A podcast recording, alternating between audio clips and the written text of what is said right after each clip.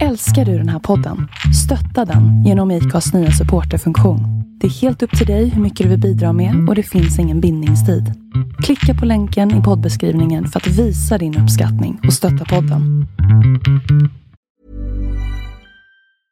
You should celebrate yourself every day, but some days you should celebrate with jewelry. Whether you want to commemorate an unforgettable moment or just bring some added sparkle to your collection, Blue Nile can offer you expert guidance and a wide assortment of jewelry of the highest quality at the best price. Go to BlueNile.com today and experience the ease and convenience of shopping Blue Nile, the original online jeweler since 1999. That's BlueNile.com. BlueNile.com. Jag skriver detta i hopp om att snart få komma till dig. Men skulle jag dröja så vet du hur man bör uppföra sig i Guds hushåll, den levande Gudens församling, sanningens pelare och grundval.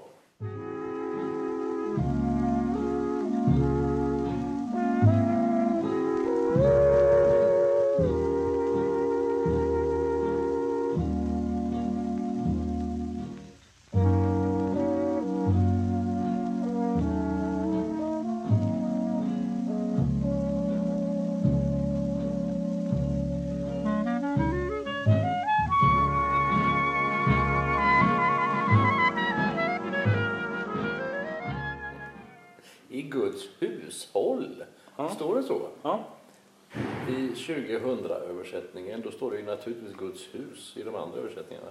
Eh, det grekiska ordet är faktiskt hushåll. Det, det är alldeles rätt. Oikos. Eh, alltså hus och hem. Så det är inte... Men det är ju lite ovanligt. Guds hushåll. ja det känns inte som en bibeltext. Ja, vadå? Det är ju det är ju ganska kärvänlig formulering. Eh, Den låter ju formell. nej, nej, nej, tvärtom. Den är ju... Hushåll är ett formellt ord. Nej, nej, nej. Alltså, nu tänker du fel här. Eh, Det, hushåll, det för ju tankarna till en mamma som bakar bullar och har svårt med sin ekonomi. Hushåll. Att hushålla tänker Ja. du på. Det är ju något helt annat. Nej, nej, nej. Alltså det, allting finns inbakat i det ordet. Ett, ett hem. Nu, om jag får ta omvägen runt det spanska språket så är då hem och ugn samma ord. Alltså Kassa. en, eh, en ugn som man då bakar i. Eller om du så vill, det gamla svenska ordet härd. Ogar betyder då, eh, inte ugn utan snarare spis, eh, anrättningsvärme, plats. Det var ett dumt ord, men du vet vad jag menar. Ogar betyder hem eller härd där man då lagar mat och tacka för det att det är ju hushåll så det visslar om det. Jo, men två saker. Hem på spanska är väl casa? Ja, det är ju huset. Det är ju själva huset. Men hem, kära hem, home sweet home, heter Hogar Dulce Hogar. Inte mi casa su casa. det det heter det bara i Hollywoodfilmer. Eh, Det andra är att tittar man på vilken statlig utredning som än handlar om eh, människor och deras bostad så definieras bostaden alltid som hushåll. Och Ja, eh, oh ja. är du på botten av samhället och måste gå och söka eh, försörjningsstöd så räknar man ju hur många barn det finns i hushållet. Ja. Och det är därifrån jag tänker att det är en väldigt formell... Ja, Det finns ingen värme i det. Eh, Nej, från den änden av linjalen så är det ju inte någon värme i ordet. Alltså. Och var tredje hushåll i Sverige eh, har en bruttoinkomst på si och så.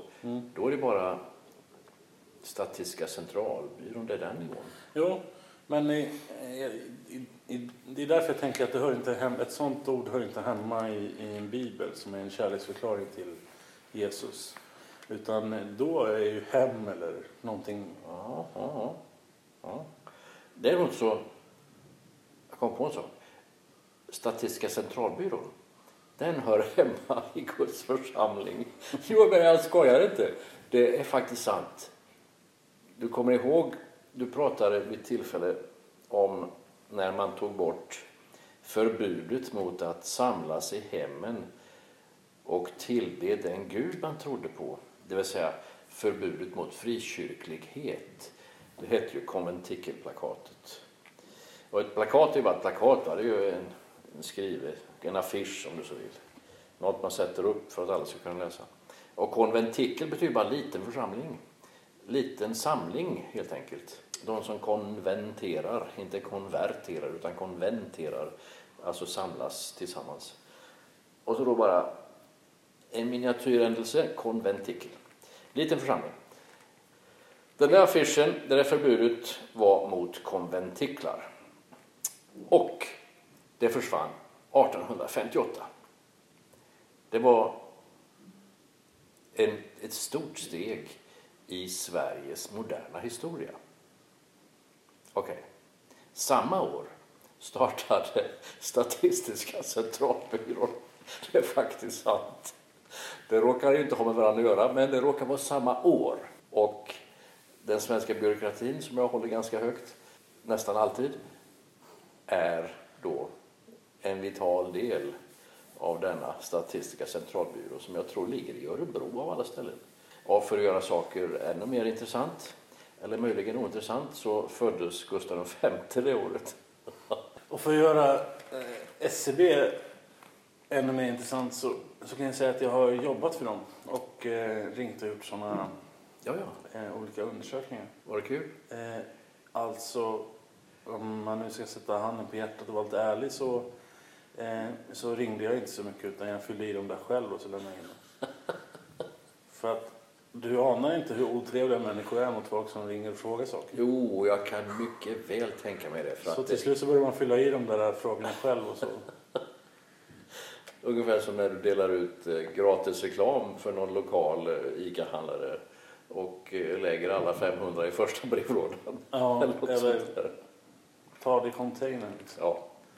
Men så börjar de ju, jag har ju delat ut sån direktreklam. Och eh, när de insåg att folk inte delar ut det där utan dumpade bara. Så då började de göra såna stickprover. Och så ja, ja. har du fått ja, reklam och sådär. Ja, ja. Så, så fick man inte betalt. Ja, det är klart. Det är klart. Vilket utomordentligt tråkigt jobb att ringa till folk och försöka få en åsikt ifrån dem. Mm. Jag kan förstå att du får många otrevliga svar. Mm. Jo, men så var det det var nästan, det var, det var nästan värre att jobba åt SCB än vad det var att jobba som vanlig telefonförsäljare. Säger du? Ja. För att eh, ibland, kanske var tionde samtal, så prickar man ju någon som faktiskt ville ha det man sålde. Ja. Det var ingen någonsin som ville svara och kände sig jätteexalterad över SCB. Nej, nej, nej. Men du, alltså det finns de som är liksom födda bilhandlare mm. och som då antingen tycker det är jättekul i sig själv från födsel och ohejdad vana tycker det är roligt att eh, prata för något. Och så finns det de som då absolut inte vill vare sig prata för eller få höra av någon som vill prata för det. Det finns en jättebra film med Robin Williams som jag glömt bort vad den heter. Den är inte jättebra ska jag inte säga, men den är rolig. Han spelar just en bilförsäljare som, och man bara, man bara rycks med i hans entusiasm över att sälja bilar. Begagnade eller splitternya spelar ingen roll. Och hur han får en kick av close the deal, alltså att komma fram till ett köp. Och det kan ju vara då kontant, rätt ifrån bakfickan och framåt. Eller någon svårartad leasingprocedur. Spelar ingen roll för att det var just säljandet som var vägledande i dennes liv som Robin Williams spelar. Ja. Mm. Eh, när man jobbar som säljare oavsett vilket, eh, vilket bransch så går man ofta internutbildningar eftersom det är sällan utbildar folk som blir säljare utan det är liksom botten och så börjar man jobba sig uppåt. Och då får man alla, alla får en sån pamflett som heter Closing the Deal. Som, som handlar om att eh, det står i princip ingenting om hur du inleder ett köpsamtal eller vad som är viktigt utan allting handlar bara om how to close the deal. Liksom. Hur man kommer fram till Ja, eller hur man liksom... Det finns en gräns där small talk liksom ersätter eh, det här precisa och exakta, det som man måste ha för att kunna ja. liksom stänga en affär på det sättet. Och, och den har nog alla som jobbar med försäljning liksom fått i sin hand förr eller senare. Kanske inte sådana som jobbar på så här, som produktsäljare på typ OM och så. Nej, nej, nej. De som Eh, säljer... eh, För det är så här mer business to business försäljning. Men det här när man jobbar med konsumenter, de har alla garanterat haft den i handen. Och du ska övertyga någon att det här behöver du, eller det här vill du ha, eller det här har inte någon annan. Mm. Sådana saker. Och jag har ju varit både en sån säljare och varit en sån säljcoach. Okej? Och det där, pamfletterna är det första man liksom ger dem. Det andra är ju att man hela tiden eh, triggar dem. Liksom. Genom tävlingar, genom ouppnåeliga eh, budgetar. Liksom så här. Ja, vad tråkigt. Ja, Det- är verkligen supertråkigt. Alltså, Jag kan ju tycka att det är tråkigt alldeles personligen. Men sen måste jag ju också förstå att det finns sådana trevliga, underbara människor som tycker att det där är det bästa som finns. Ja, speciellt invandrare. Jag kan nästan tänka mig det. Alltså de bästa säljarna som jag hade, de var alla invandrare. Men du, jag kan faktiskt mycket väl tänka mig det av ett enda skäl. Mm. Vi har ju i västvärlden och utan tvekan i nordvästeuropa avancerad industri, avancerad eh, teknik, avancerat allting egentligen. För att ha en avancerad industri som, nu tar vi Scania i Södertälje som exempel. Eh, Det, det är rätt många steg innan det blir en lastbil såld och den kostar mycket pengar. Men det enkla, jag har det här och jag säljer det till dig och jag får pengar av dig. Alltså marknadstänkande, och nu menar jag marknad, torg, eh, basar om du så vill. Det är ju en livslevande verklighet i hela Medelhavet och definitivt i Mellanöstern. Då är det svårt att få in en sån där egenhet som moms eller eh, något annat löneskatt av något slag. Det, det finns ju bara inte. Utan det jag har och det du ger mig, det är mitt. Om jag sen ska betala skatt på det jag just fick, det är otänkbart. Ja. Så att det där säljandet, lätt, lättvunna eller lättåtkomliga kontanta pengar, det ligger nog närmare till hands i Mellanöstern, det är jag rätt säker på. Ja, nej men alltså. Det som är spännande med de här invandrarkillarna var att de pratar verkligen så här Rinkeby-svenska eller blattesvenska när man pratar så här på kafferasten. Ja. Och fruktansvärt irriterande att lyssna på. Men samma sekund som de ringer ett samtal eller tar en kund på något sätt. Så på rösten kunde man inte skilja dem från någon Östermalmskille liksom. Då var det ett helt annat Ja, för liv. de hade fattat att vi kommer aldrig sälja någonting Nej, nej, om nej. vi pratar som vi pratar. Så vi får göra till oss liksom. Och eh, ja, ja, men de sålde extrema mängder alltså. Men du, det är märkligt vad rösten är viktig. Donny, om jag skulle prata så här med dig, skulle du få ett särskilt intryck av allt jag säger? Ja, vi skulle inte vara vänner. Men alltså jag, jag, hade en, jag hade en elev, en eh, mycket vacker flicka. 16-17 år gammal. Och hon var så där vacker så att man bara vände sig om i korridoren om man inte hade sett henne förut. Hon gick som en fotomodell. Inte för att hon gjorde sig till. Det var helt naturligt för henne. Eh, en förtjusande eh, flicka på alla sätt. Och bara sådär naturligt Hollywood, snygg. Men när hon öppnade mun för att säga någonting då hade hon en röst som var ungefär så här. Alltså hon hade en röst som, oj vad i all sin dar lade man märke till. Eh, varpå allt det där vackra, hela hennes vackra kropp, hennes sätt att gå, det bara försvann. Och hon hade en, en röst som då inte liksom gick att ändra på.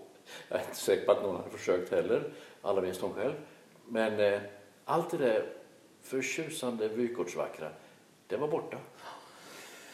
Men jag tycker inte det är så konstigt egentligen för vi har ju liksom eh, fem sinnen som måste tillfredsställas Ja. på liksom så här ett eller annat sätt. Ja. Och eh, är ett av de sinnena helt eh, ur balans liksom, så då, då går det ju bort. Vissa Ja. kan ju frångå det. Precis som att jag kan eh, frångå hur folk ser ut och hur folk eh, luktar liksom. Men jag kan inte frångå röst liksom. Oavsett vilket sammanhang. Om det är myndighet, om det är privat, om det är fritid så jag kan inte frångå från hur folk låter. Det är jättestörande för mig. Ja, ja. Eh, och det är jättejobbigt för jag har ju en, en vän som jag har ganska tät kontakt med av olika anledningar. Som har en sån röst så att jag vill bara stoppa in hagelbraket i munnen varje gång hon öppnar munnen. Alltså. Men, men eh, eh, då är det tur att hon liksom lyfter upp alla de andra Ja, ja. Det lär vara så att under 20-talet när man i det mycket unga Hollywood producerade stumfilmer och till slut då började producera ljudfilmer så var en av de stora stjärnorna, inte Gloria Swanson, hon var svensk-amerikan, mycket vacker. Hon spelade mot allihopa, Douglas Fairbanks, Charlie Chaplin, allihopa. Hon hade en sån utomordentligt omöjlig röst så att hon försvann i stort sett när talfilmen kom, ljudfilmen. Och hon var alltså kanske inte nummer ett, men åtminstone nummer två. Mary Pickford var nog nummer ett på den tiden. Paulette Goddard, Chaplins första fru, eh, också. Men hon, hon tillhörde alltså topp tre åtminstone av uppburna Hollywood-skådespelerskor. Väl betalda, sådär skamlöst, okristligt välbetalda. Och jag tror man fick försöka ha en, det var inte fråga om dubb, dubbad eh, film för att så pass avancerat var det inte. Men att någon sa hennes repliker i början och hon bara formade eh, läpparna. Hon bara försökte få det synkront med det som sades. En mycket omöjlig röst. Och det var inte för att hon bröt på dålig engelska eller något sånt där. Utan det var för att hon hade en, en röst som ingen tyckte om. Estetiskt ohållbar. Ja, faktiskt.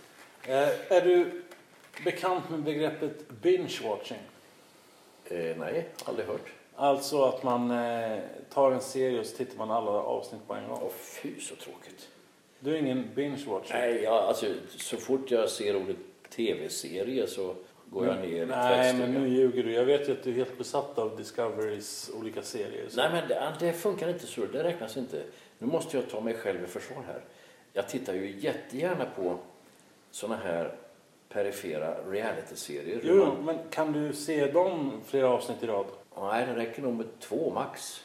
Okej. Sen så går det inte. Jag är en klassisk binge-watcher alltså. Kommer det någon serie, som på Netflix till exempel, att det kommer en serie där de släpper alla avsnitten på en gång, då tittar jag dem på en gång. Då gör jag ingenting annat. Ja, du måste väl laga mat till dina barn? Jo, jo, men alltså eh, på min egen tid så att säga. Eh, och eh, eh, häromdagen så kom det en serie på, eller jag såg en serie på HBO som hette Chernobyl. Och det var en miniserie med fem avsnitt, typ en timme per avsnitt, lite mer kanske. Ja, ja. Och jag har tittat alla. Och det är, säg 98 procent av det som förekommer där är baserat på eh, uppgifter som är verifierade. Liksom. ja. Vad som hände dygnet innan själva katastrofen och vad som hände under hela fram till rätte, den här skenrättegången och, och allt det där. Eh, bland annat med Stellan Skarsgård. Och regisserad av eh, Johan Renck. Vet du vem det är? Jag är Stackabo. Ja, det är han som har regisserat. Det var det värsta. Ja. Fantastiskt intressant. Var den på engelska?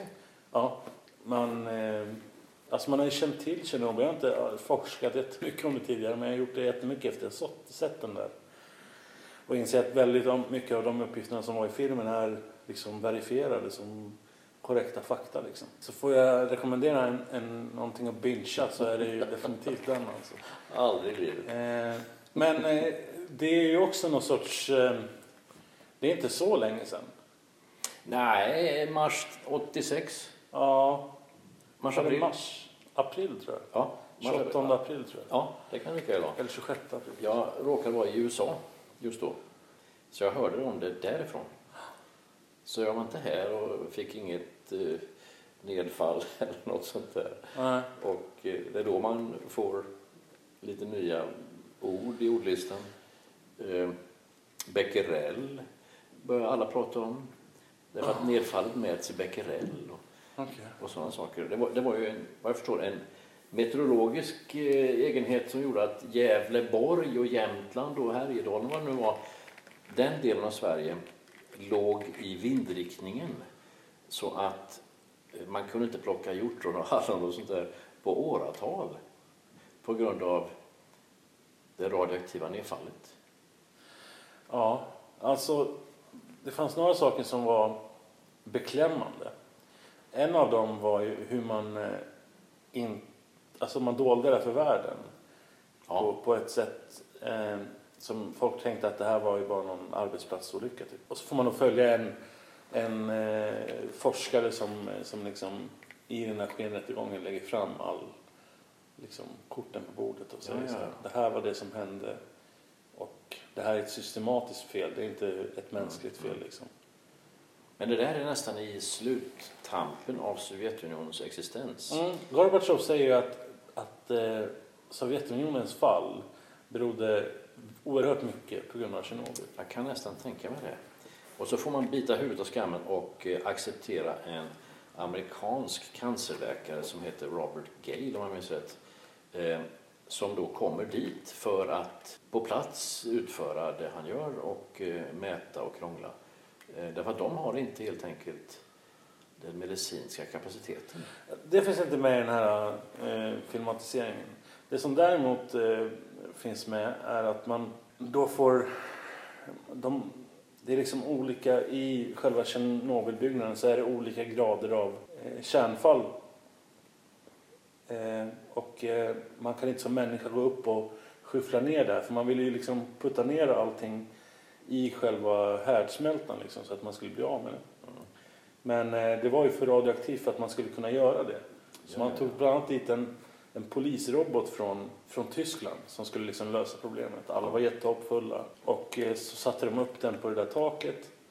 Och eh, sen tog det 10 sekunder så smälte den där. Oj då. För att ryska myndigheterna inte hade varit ärliga med hur mycket strålning Ja, ja, ja. ja. det var. Den här tålde typ 2000 vad det nu var för mätenhet. Men eh, det uppmättes till 33 000. Okej. Så den där smalt ju bara ihop liksom. Okej. Så eh, hur man lyckades lösa den här situationen var att man, eh, i filmen säger så här, vi behöver biorobotar. Alltså människor. Men, eh, ja, livstidsfångar och sånt där? ja, nej, utan eh, arméer. De, Jaha. de nyttjade 750 000 eh, soldater under den här processen att liksom döda alla djur som fanns i området och Ja, ja, forsla ja. bort alla människor. Och, och de offic- officiella dödssiffran från, Sovjetunionen var 31 personer.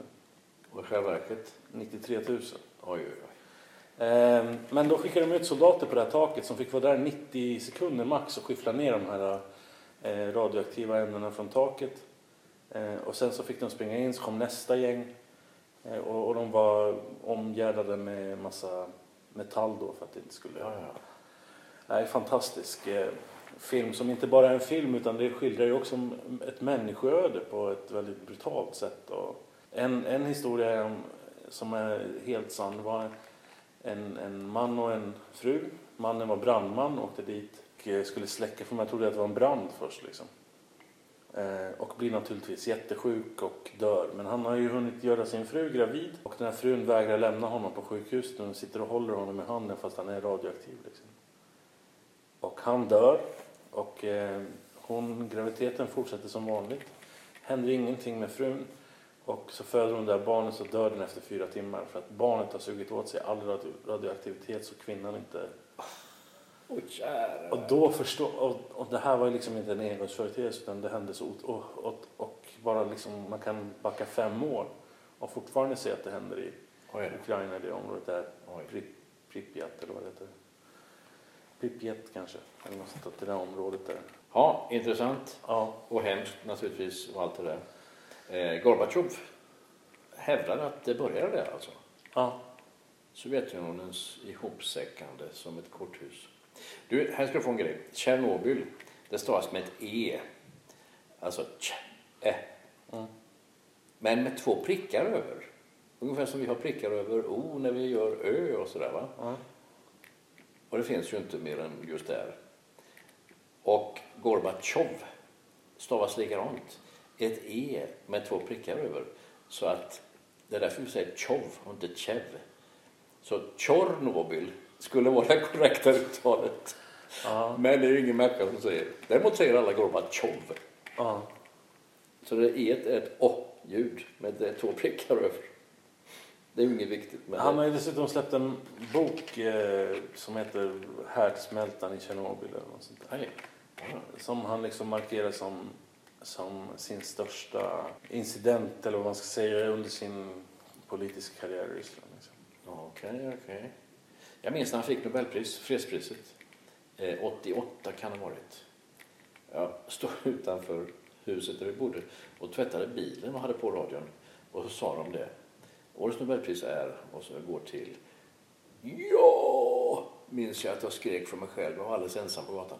Ja! Jag tyckte det var så fantastiskt att man gav Nobels fredspris till Gorbatjov som då hade öppnat dörren för att det skulle vara något mera frihet, något mera töväder som perestrojka och glasnost betyder. Eh, alltså något mera av det som var självklart i väst. Men alltså, ja, jag visste inte att han hade fått fredspriset. Men, men alltså jag undrar fortfarande liksom att eh, fanns det verkligen ingen bättre kandidat? För att det, det var ju, 88 var det fortfarande rätt låst. Ja, ja. Han, han börjar med att tillåta privata frisörer och jag tror taxinäringen får någon form av privat eh, stämpel med Sovjetunionens, vad är det nu kan ha hetat för byrå, eh, höga godkännande. Och det bara sätter igång människors initiativ.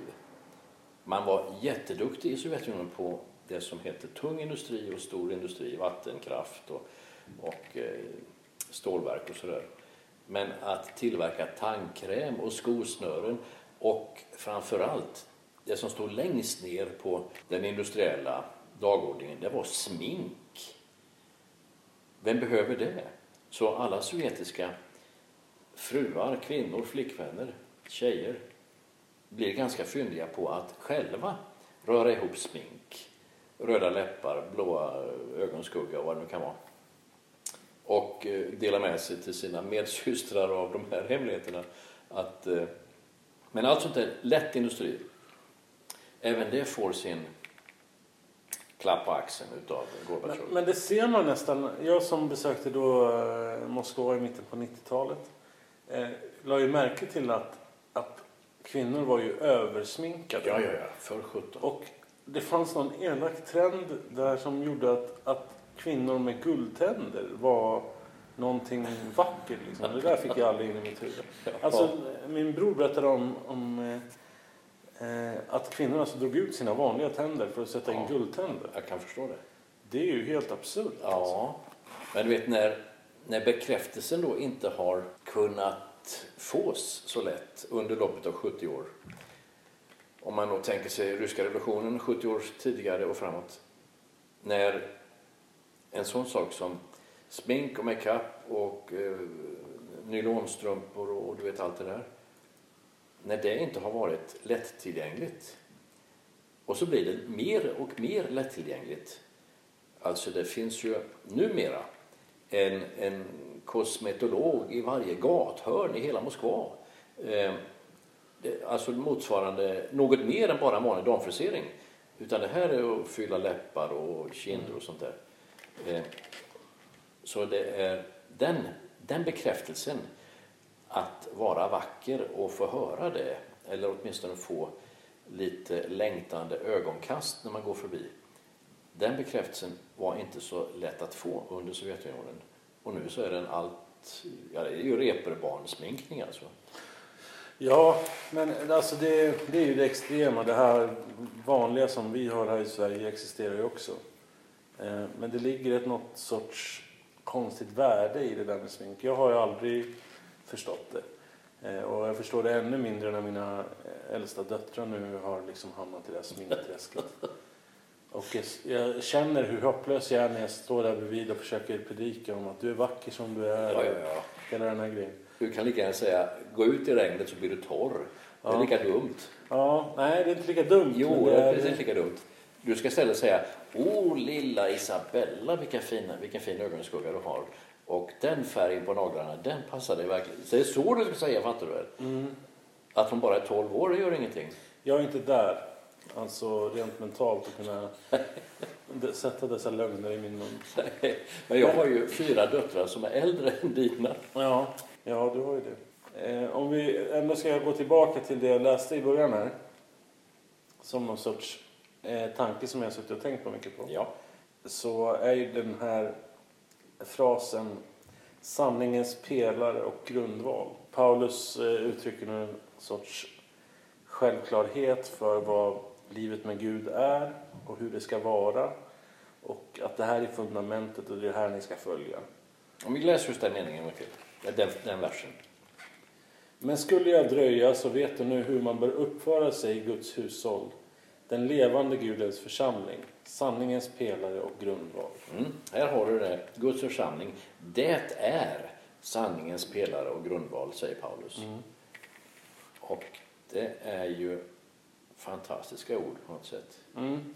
Men sen får man ju också någonstans tänka sig att, alltså om man ska hårdra det. Är kyrkan verkligen det? Är församlingen verkligen det? Utifrån den värld som vi lever i idag. Eller är det, har det mer blivit en, i vissa fall, en intresseförening eller föreläsningsförening? Liksom? Man behöver inte tänka på någon specifik församling, eller, men bara så här. Om du skulle plocka ut tio församlingar på tio olika ställen i Sverige. Och så skulle du kolla vad de erbjuder för utbud eh, tio veckor framåt. Så, så tror jag att, att det skulle, de här eh, spridandet av evangeliet skulle bli någon sorts andrahandsaktivitet. Och att det mer handlar om eh, världsliga... Det är klart att alla har sin gudstjänst, det är jättebra. Men, men jag tror inte att det finns några, några andra bitar. Eller det är klart att det finns, men att det är inget, inte någonting det man skyltar utåt till exempel med bönegrupper eller eh, bibelstudier eller whatever. Jag ska, jag ska vända på svaret här så att du blir besviken. Sanningens grundval och pelare, det är församlingen. Det är kyrkan. Det är eklesian i grundtexten. Ja, så säger han. Då kan det bli så illa knasigt som att kyrkan är sanningen och är pelaren för allt liv som det har varit i ungefär 1450 år i den så kallade katolska kyrkan. Innan Luther sticker kniven i den. För att då är det plötsligt ett skydd av själva kyrkan. Jätteviktigt. Och den är ju fortfarande likadan. Eh, jag gillar katolska kyrkan så jag ska inte hacka på dem direkt, men jag kan hacka på deras avarter. Så att när irländska präster begår övergrepp mot korgossar så är själva kyrkan det som ska försvaras till 100% och med alla till buds stående medel. Och man ska helst göra det internt. Och står det en liten rad i den minsta lokaltidning så är det fel på det och på journalisten som då har mage att skriva någonting illa om denna entitet som är sanningens grundval och, grund och pelare. Lika illa är det i ortodoxa kyrkan, fast där är det inte lika transparent. Och där är det inte alls lika eh, viktigt, höll jag på att säga. De går i sina svarta rockar och sina jätteskägg och mycket höga svarta hattar och är oantastliga. Syrisk ortodoxa, grekisk, naturligtvis hela den rysktalande världen. Det är också då att de representerar sanningen. Och bara de alltså. Den katolska kyrkan i relation till ortodoxa, den är utspädd för den är allmän, som ju katolsk betyder. Och ortodoxa kyrkan, det är den renläriga, det är den riktiga. Men vi kan ta ett ännu värre kliv i den här dumheten.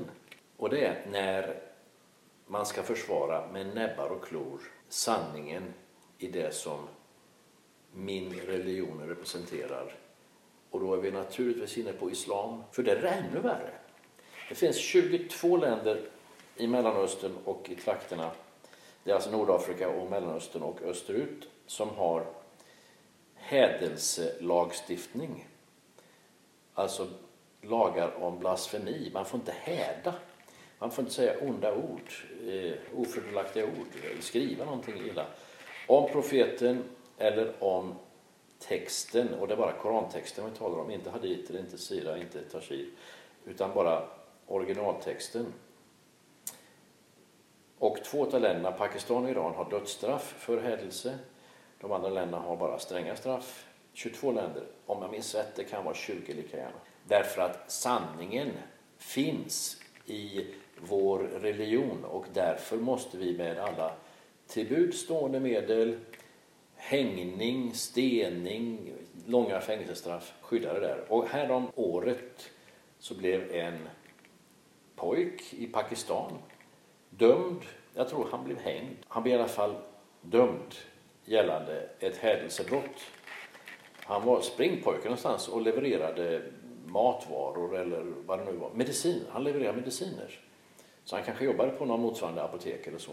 Och levererade medicinerna inslagna i papper som råkade vara en bit av Koranen. Han var ju bara en springpojk. Och kommer, förmodligen var han analfabet dessutom, så han kunde inte läsa det som står skrivet på det här pappret där medicinerna låg. Han blev dömd, fängslad och dömd för det där i Pakistan. Ja, där ser du. Alltså när sanningen ska försvaras till all, för allt smör i Småland, jag säga. När sanningen ska försvaras till med allt vad jag har, då blir det fel. Men det är inte det Paulus skriver här, utan församlingen är sanningen, sanningens grundval och pelaren, sanningspelaren. Det säger ju del att vi som Guds hus, eller om du så vill Guds hushåll, har fått sanningen och den vill vi gärna dela med oss av. Även till de som absolut inte vill. Nu är vi nästan inne på telefonförsäljning igen. Därför att vi upplever det så och vi kan läsa oss till. Detta är sanningen. Mm. Jag är helt med på det, men det går tillbaka till frågan jag ställde. Ja, jag ska att, vad det att, att är det det kyrkan gör idag? Att vi älskar, eh, älskar sanningen som, som vi ser det? Och att vi vill att fler ska ta del av den? Är det det vi gör? Eller är det kafferep och eh, ja, det är, nog, det är nog det vi gör. Det tror jag. Men sen är ju metoderna annorlunda från kyrka till kyrka, från ort till ort. Ute någonstans i Knohult eller i någon innerstadskyrka i Stockholm eh, så är ju metoderna annorlunda och det är fullt tänkbart att man i Uppsala har ett större intresse av att tala om rättvisa med kaffe och vettiga arbetsförhållanden för textilproducerande kvinnor i Bangladesh än att tala om Golgata och att alla människor är syndare och i behov av förlåtelse. Mm. Inte bara fullt tänkbart, det är ju nästan troligt att det är så. Men de här utspädda resonemangen, om du förstår vad jag menar, att man spär ut evangeliet, man spär ut Golgata, man spär ut behovet av Guds nåd i varje människas liv med eh, rättvisa och, och fred på jorden och all kärlek är från Gud och samkönade äktenskap. Man spär ut på lite olika sätt. Den linjen är eh, den är färdig att, att dö ut. För att det blir ingen, det blir ingen frukt av det, det blir inga resultat. Eh, och så är det, det är mycket enkelt. Det är ren modern historia eh, att de som spär ut, de kyrkorna minskar alltid. Det finns icke ett exempel i vårt land och rimligen inte i västvärlden på att en sån kyrka, en sån församling, en sån skock människor har en livslängd och en tillväxt som är imponerande eller påtaglig eller lätt att räkna på. De kan ha entusiasm, engagemang och tv-inslag på Aktuellt och sådär. Man samlas på Sergels torg därför att någon sitter fängslad i det inre av Angola. Eh, men det finns ingen frukt, det finns ingen tillväxt. Däremot så finns det tillväxt i en liten syförening i Knohult någonstans som underhåller någon människa i Angola för att han saknar föräldrar. Det är skillnad. Mm. Delar förstås inte din uppfattning. det gläder mig att höra. Jag, jag kan känna att eh, kyrkornas verksamheter är urvattnade och eh, har inte längre Jesus i sitt fokus. Ja, men då delar du verkligen min eh, min bild här. Nej, men som jag uppfattar dig så menar du att, att det vi gör eh, är inte nödvändigtvis representativt med vad vi är. Jo, nej, det var fel tänkt eller fel formulerat av mig. Eh, det vi gör representerar det vi är alltså. Eh, det jag tror på, det jag vill och sådär. Va? Mm. Och om jag då vill någonting som är, så jag kan brinna för hur mycket som helst, men det är riktat åt fel håll, det har ingen bärighet och sådär. Då filtreras det bort av sig själv och självdör. Ja, Och rättvisemärkt kaffe är en sån sak till exempel. ja, Inte för att jag har någonting emot rättvisemärkt kaffe, men du vet vad jag menar med det. ja. Nej, men alltså det, det, det blir att man gör någonting for show liksom. Att det finns inget, eh, ingen grund och inget fundament Ja, det. precis. Och, och då blir det ju urvattnat eller Ja, liksom ja, ja. utblandat på något sätt. Och utan frukt. Ja. Och ibland känns det som att man som kyrkor väljer liksom den enkla vägen. Så här, istället för att gå ut och möta människor och bjuda in Ja, dem ja. så eh, puttar man upp dörren och säger hoppas de kommer. Ja, lite så. Eh, och, och, och det är där jag kan känna så här att jag tror inte Paulus hade varit supernöjd med dagens nej. kyrka. Liksom. Herregud, nej. Eh, Han har varit arg så han har hoppat. Men ja, för mig är det där ett problem. Eh, eller jag upplever det som ett problem när, när man liksom inte riktigt står för det man ska stå för längre. Mm. Eh, Mm. Jag kan hålla med dig. eh, Vi kan ta ett exempel så här som har irriterat mig jättemycket när man eh, går på gudstjänster och sen så får man ingen predikan. Det kan jag bli skitförbannad för. Alltså för att hela grejen med att gå på gudstjänst för mig är att jag ska få ta emot Guds ord och att jag ska kunna liksom eh, få någon sorts sinnesro av det och eh, även någon sorts inspiration i mitt eget eh, bibelläsande och, och Mm. lärande. Och sen så får man massa andra trevliga saker naturligtvis men för mig blir det inte det syftet. För mig blir det urvattnat. Mm. Ja, jag förstår ditt sätt att se det. Och det är ju rätt. Du vill ha lite mera kött på benen och du vill ha något matnyttigt för veckan som ligger framför och allt sånt där va? Japp. Eh, Jag kan ju tänka mig, jag kan tänka i de termerna. Jag kan tänka i de banorna också. När jag hör en predikan som är sämre än jag själv skulle kunna hålla som är lättare och mer tillrättalagd än jag själv skulle och så vidare. Men samtidigt så kan jag tänka, här sitter det människor som varit i detta hus två gånger. Här sitter en människa som aldrig varit här och som dessutom luktar sprit. Och de har ju en större behållning av det där enkla som sägs än vad jag har. Så då blir det plötsligt ett värde i det. Nej, men jag menar inte att det inte skulle vara värdefullt eller sådär. Utan det kan vara ganska trevligt att lyssna till eh, vanliga människor som, som, som pratar om sitt liv och sådär. Men då skulle jag hellre ta det på en tisdag när, Ja, när, när liksom, om man bjuder in till just det. ja, ja. Men när jag går på gudstjänst då vill jag höra en predikan. Alltså jag är med i en församling för att jag vill... Ja, ja. Jo, men här har du alltså eh, 400 människor som var och en har lite olika behov. Eh, och har hört det här 150 gånger redan. Det är svårt att tillfredsställa alla. Ja. Det är svårt att få alla att bli nöjda och belåtna. Eh, Nej, men det är ju omöjligt såklart. Men ja, jag, jag upplevde en sak i söndags eh, då det var lite, ja det var ju intressant musik och sång och trumpet och lite jazz och en predikan som var att betraktas som ett vittnesbörd av en människa född i Eritrea. Jätteintressant och innehållsrikt och knäpptyst. Men nu är ju vår församling ganska tyst utav sig. Det är inte så mycket ljud, det är inte så mycket halleluja, det är inte så mycket håll igång. Det är det verkligen inte. Eh, men innehållet var 100 procent. Och man satt där och njöt av det jag hörde. Även om det inte var något nytt. Alltså jag till och med kände till livsbetraktelsen från Eritrea sen tidigare. Men ändå intressant att höra. Jo, men det får man ju vara tydlig med att säga att det är inte det att det inte är ointressant, att det inte är bra, att det inte är rätt liksom.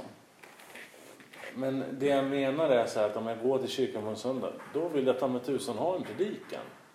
Och jag vill gå därifrån med någon sorts reflektion eller en eftertanke eller någonting som jag kan spinna vidare på. Ja, Jag är jätteledsen, jag kan inte spinna vidare på ett adoptivbarn från Eritrea nej, när jag går nej. därifrån. Men, och sen, sen har jag ändå respekt för att, eh, eh, att det går inte att tillfredsställa alla och det går inte att eh, få det man vill varje gång. Men går jag på fotbollsmatch då vill jag se fotbollsmatch, inte innebandy liksom. Lite så. Eh, Sagt av en idrottsreporter. ja, precis. Alla mina reflektioner kommer i de termerna. Nej, men eh, och, eh, och det, är inte, det är inte det att jag inte förstår eller sådär, men ibland så kan jag känna så här att och jag ser många kyrkor som har samma problem med att man, man försöker att baka in Jesus i någonting som inte syns från utsidan och sen så trollar man fram Jesus här i, på något sätt i någon liten del av, av det här evenemanget. Mm. Eh, istället för att nu ska vi berätta om Jesus och så blir det här. Ja, ja. Eh, så jag, jag skulle vilja se en eh, tydlighet liksom. ja, ja. Och det kan jag tycka att pingstförsamlingarna är mycket bättre på, Oh ja. på det än, än resterande kyrkor. Utan tvekan. Och samtliga pingstkyrkor i hela Sverige, kanske hela världen, har haft sedan tidernas morgon ordet Jesus i stora bokstäver på predikstolen. Någonstans långt fram. Eh, inte Gud, inte ande, utan Jesus står det där i stora bokstäver. Eh, det är ju inte fel det är från början. Då vet man vad det handlar om. Absolut. Men jag ska ge dig en annan eh, svårighet att krångla i huvudet med här. Jag var... Jag ska åka till Stockholm imorgon, eller rättare sagt till Arlanda. Med en afghansk, mycket vacker kvinna. Och hennes tre mycket trevliga pojkar. Eh, Sju, fyra och två år gamla, vad de nu är. Och hon ska åka tillbaka till, för första gången, till Iran där just nu hennes mamma och pappa bor. Pappan är 85, mamman är 65 i vanlig muslimsk ordning. Och pappan är lite eh, till åren kommer naturligtvis och sjuklig och sådär, kanske inte lever så länge till. Så därför så är det sista chansen. Men inte bara det, utan de har inte sett barnen för de är födda i Sverige.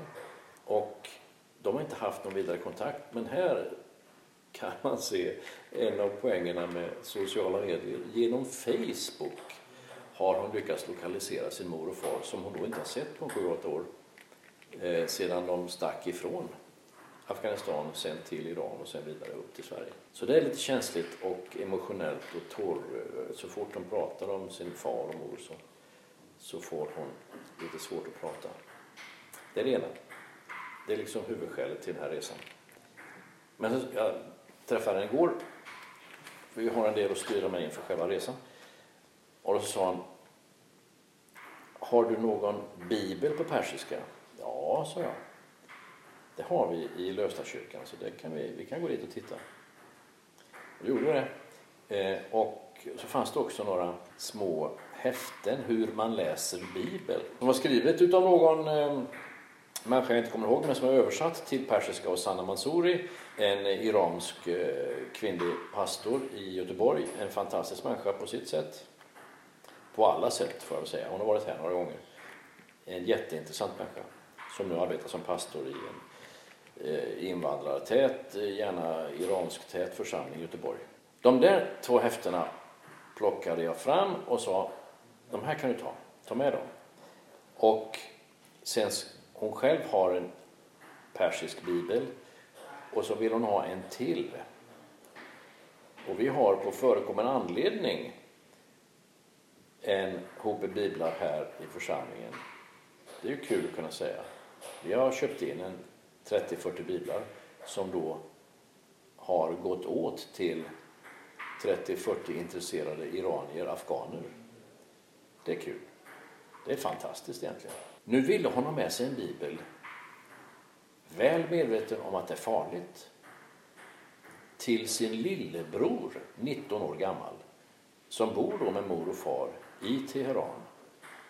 Därför att hon hade skypat med honom och han hade frågat henne och hon hade då mycket försynt sagt, lagt ut texten om sitt liv, hur hon har det, vad hon gör, att hon då har börjat gå till en kyrka lite försiktigt som det. Och, och han var intresserad, han var mer intresserad. Och eh, under flera Skype-samtal så till slut sa han, eh, kan du ta med en persisk bibel? Här finns ju ingen. Och det är verkligen så. Det går inte att få tag på Guds ord i den Islamiska republiken Iran. Det går inte. Det finns ju eh,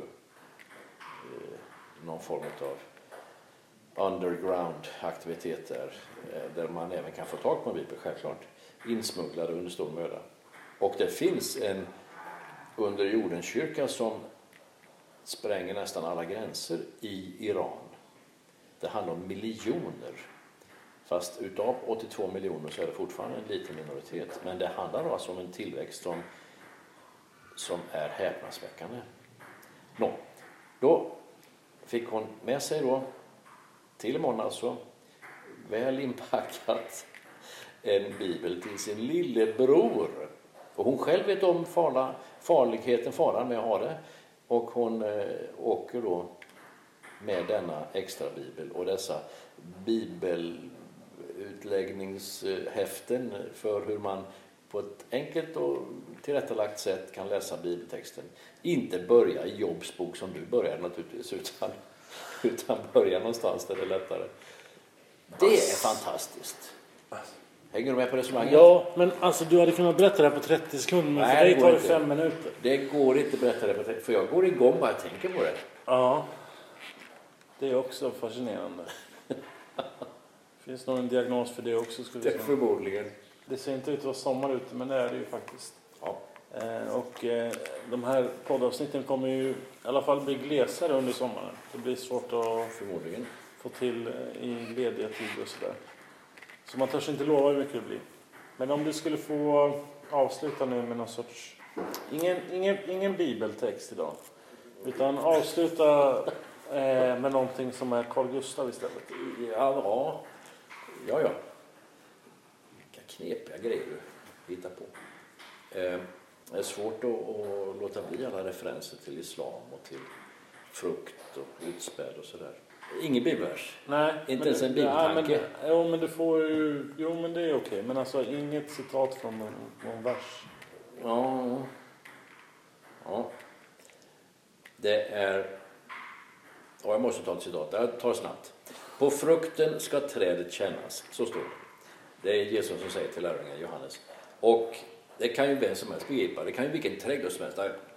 Det kan vilken trädgårdsintresserad människa som helst som bara har en blomlåda på balkongen begripa att när växten trivs är bra, är rätt placerad.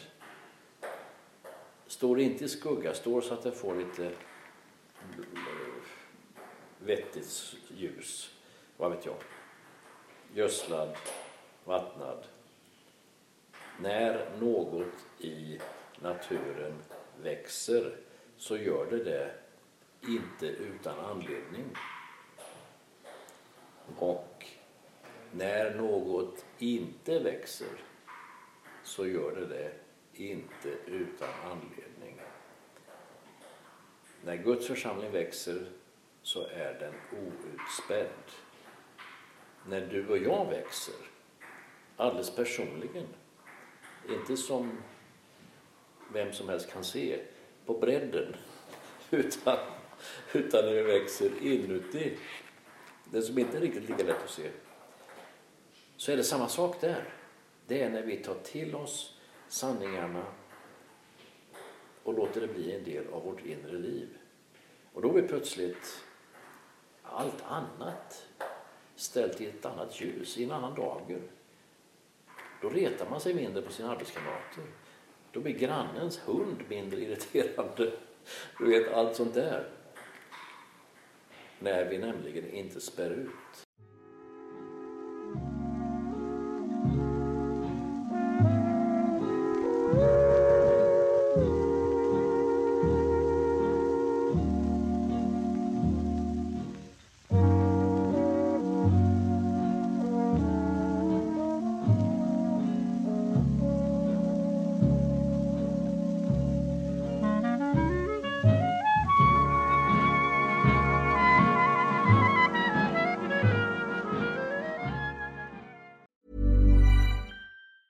Planning for your next trip?